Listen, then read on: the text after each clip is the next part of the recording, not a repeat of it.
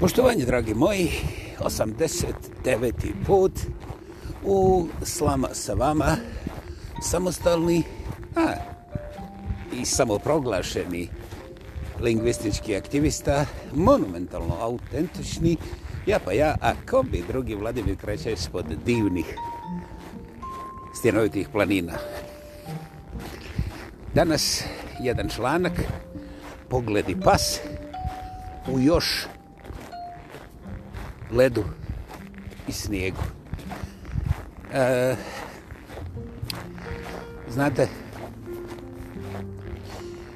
u ovim ledenim zimskim danima pogled u led i snijeg ima svoju težinu i to na puno načina uglavnom se ljudi slažu međutim postoji nešto što se zove perverznost očiglednog i da ne idemo u krajnosti, opet ćemo se lako složiti da ova pomenuta slika pobuđuje najrazličitije emocije, nećemo govoriti o mišljenju. Dakle, U tome mome članku ja sam pokušao ilustrirati, doslovce tako, jedan gotovo nevidljiv, ali suštinski brutalan napad na jednu gospođu koja vrlo dobro zna da se brani sama i ne treba joj moja pomoć, Međutim, upravo zbog toga i posebno što je njen napadač također iz te neke više srednje klase, mi govorimo naravno o regionu, jeli, to je ono sve ispod Slovenije, ovaj, onda, Bogu hvala, tu nije bilo fizičkih brutalnosti, nikakve vrste i kompletna ta diskusija, izgleda potpuno civilizirano i meni je teško povjerovati, a to piše ispod onih komentara, da bi se bilo ko usudio pomisliti da tu treba bilo kakav komentar. Meni je bilo drago što sam vidio takvu situaciju u javnom prostoru, jer su izuzetno rijetke i ja se vrlo teško mogu sjetiti zadnje u tom domenu na taj način. Naime, a, niti jedno od njih dvoje nije prekoračilo granice građanskog i kulturnog. A, nema ništa ekstremno. Međutim, moj stomak je odmah signalizirao. Au! I zato sam ja napisao članak pas i pogled. Naime, glavna diskusija je uvijek svedena između crnog i bijelog. Mi ili oni, naši njihovi, ženski, muški, toplo, hladno. Ja sam bez istraživanja, mislim, znam, ja sam mlad, lep, pametan, mršav, e, onda visok, onda ne znam, izaberite sve te komplimente, opet nije dovoljno za mene, jer ja sam potrošio svi komplimenti i opet to nije dovoljno, ali sa naglaskom na moju skromnost. Hvala. Zlatni ste. Dakle, i bez istraživanja takav kakav sam je upravo sam opisao, ja sam zaključio da niko ne može oboriti barem teoriju da između crnog i bijelog postoji još neka nijansa, ne znam čega. Da između toplog i hladnog, šta znam, možda u Prnjavoru, Čekrčićima, pa čak recimo u Novosibirsku postoji mlako, ne znam, može biti. Da između muških i ženskih ne stoje pederi, ni slučajno, nego stoje osobe koje su aseksualne, biseksualne ili ili čak niko ne stoji ponekad. Ovaj, I da ne idemo po tom nizu dalje. Dakle, ja sam bez istraživanja zaključio da ne postoji samo sjeverni i južni pol, jer naime, ukazalo mi se bez istraživanja opet da na tim, baš na tim polovima, i sjevernom i južnom, ne živi gotovo niko, a da je sav život, sav život smješten, stvarni život, ozbiljno provjeriti, provjerite, vaša salata sigurno nije došla ni sa Antartika, ni sa Artika, nego negdje između. Garant nije došla ni sa onog centralnog dijela koji se zove ekvator. No, vaša salata je došla vjerovatno iz bašće, koja nije na polovima, a još manje na nekom središnjem odstojanju od tih polova. Dakle, gospoda, ako niste shvatili o čemu ja govorim, pa mi onda objašnjavate kako su moje emocije nesređene, Ja se ne bunim. Ja se ne bunim.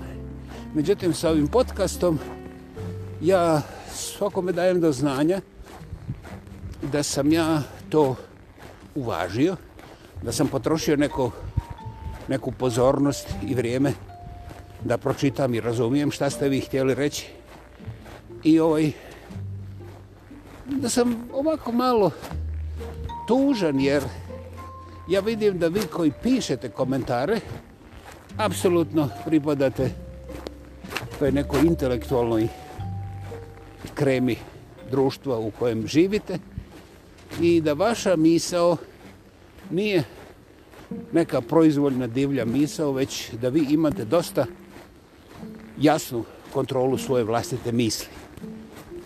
Šta je bilo sa vašim obrazovanjem i kako ste koristili okvire za napredovanje u shvatanju svijeta oko sebe i samih sebe, vidite, to je stvar o kojoj ja uvijek mogu samo spekulirati, ali znati posebno definitivno nekada ništa neću.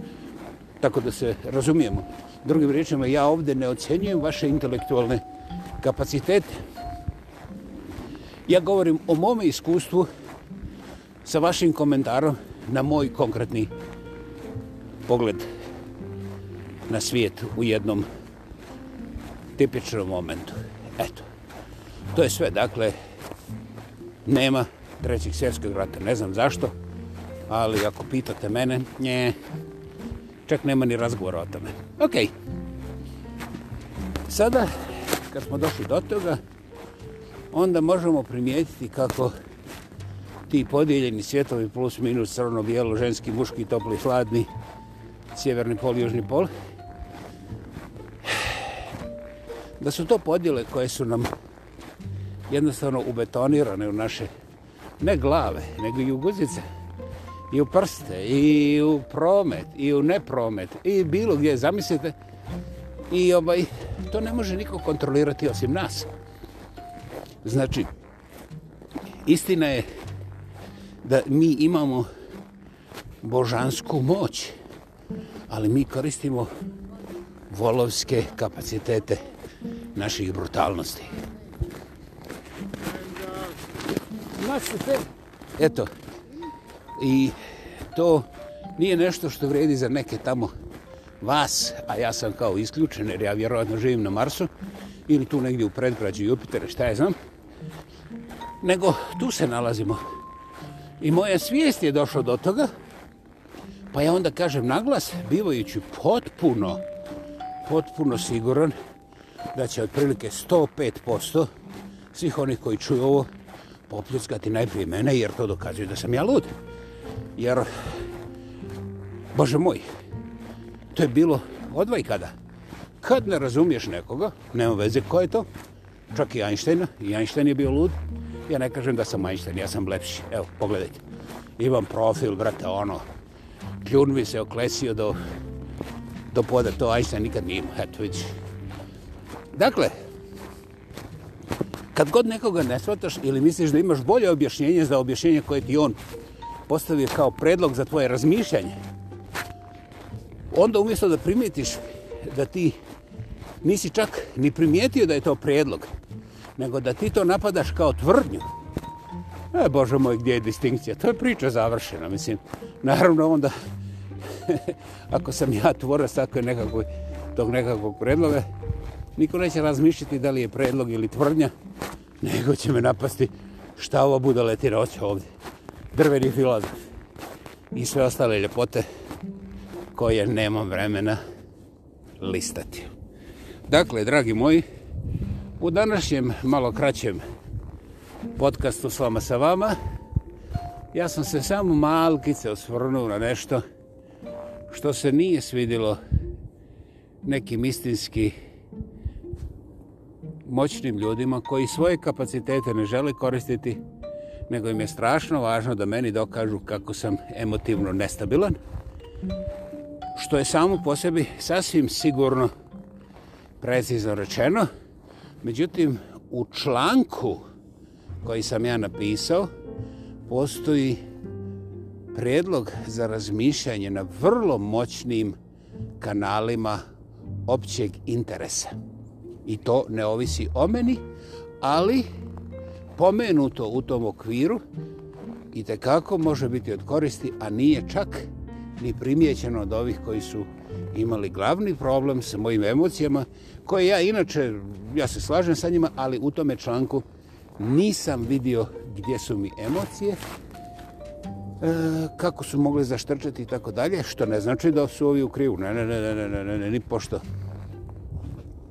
Međutim, ostaje tužno pitanje kako su tako inteligentni ljudi 100% promašili poruku pisca, a 200% izvukli vrlo lako manipulativne spekulacije o emocijama. Jer, znate, šta god vi htjeli ili ne htjeli, emocije vas nikad ne napuštaju, a i mene ovako lepog, mladog, plavog, nepogrešivog i skromnog također. Dakle, priča o emocijama je isto kao i priča o mokroći vode. Dakle, da li je voda vaša mokrija od moje ili, ne znam, izaberite drugi ovaj detalj. To je priča koja se može uvijek otvoriti i uvijek zatvoriti i uvijek E, nažalost, ne može se uvijek izbjeći. Znaš, međutim, kada sam ja na minus 15 kao sada i neko govori o mokroći vode, ja odmah zamišljam ako neko prospe na mene sa jedan metar visine litru vode, čovječ, ja ću dobiti kilo nečega u glavu ovaj, tvrdoga, znači zamrznut će se, vjerovatno. I ako se ne zamrzne, imaću prekrasan, evo ga, emocija, osjećaj izgubljenosti, šoka, drhtanja, ko zna čega sve ne. Dakle, da li mi možemo, ovi barem koji su stari od 50 godina, da primitimo nešto više od emocija i ne znam tamo nekakve vašarske, da li se to ove zove estetike ili samo naljepljice, nije bitno. Dakle, to je ospirno pitanje i ja vas ostavljam tu. Ne da razmišljajte, nemojte, nemojte slučajno da razmišljate. Naraš je onaj, onaj tamo organ za razmišljanje, ali promišljanje stvari koje sam vam ispred očiju i možda biranjem kuteva gledanja takvih stvari, vrlo lako vam može donijeti ne samo uspješni život, nego prije toga vaš personalni mir podići u neverovatne visine anđelskog bivanja i još jedna relaksacija u fantastičnoj snazi vaše vlastite egzistencije i nezavisnosti od bilo čijega mišljenja. Njum. To nije recept, ali jest fantastičan put koji je potpuno u vašim rukama. Ja sam sretan što sam to pomenuo, jer sam to koristim i koristim da svaki sljedeći korak radim otprilike u tome sa zvježđu. Vidit ćemo se čuti uskoro. Ja vam doista svim srcem zahvaljujem. Idemo dalje. Slama sa vama, ja pa jako bi drugi. Vladimir kreća sa predivnih stjenovitih planina. Ovo je bio naš 89. sastanak živi zdravi bili, imajte uspješan dan.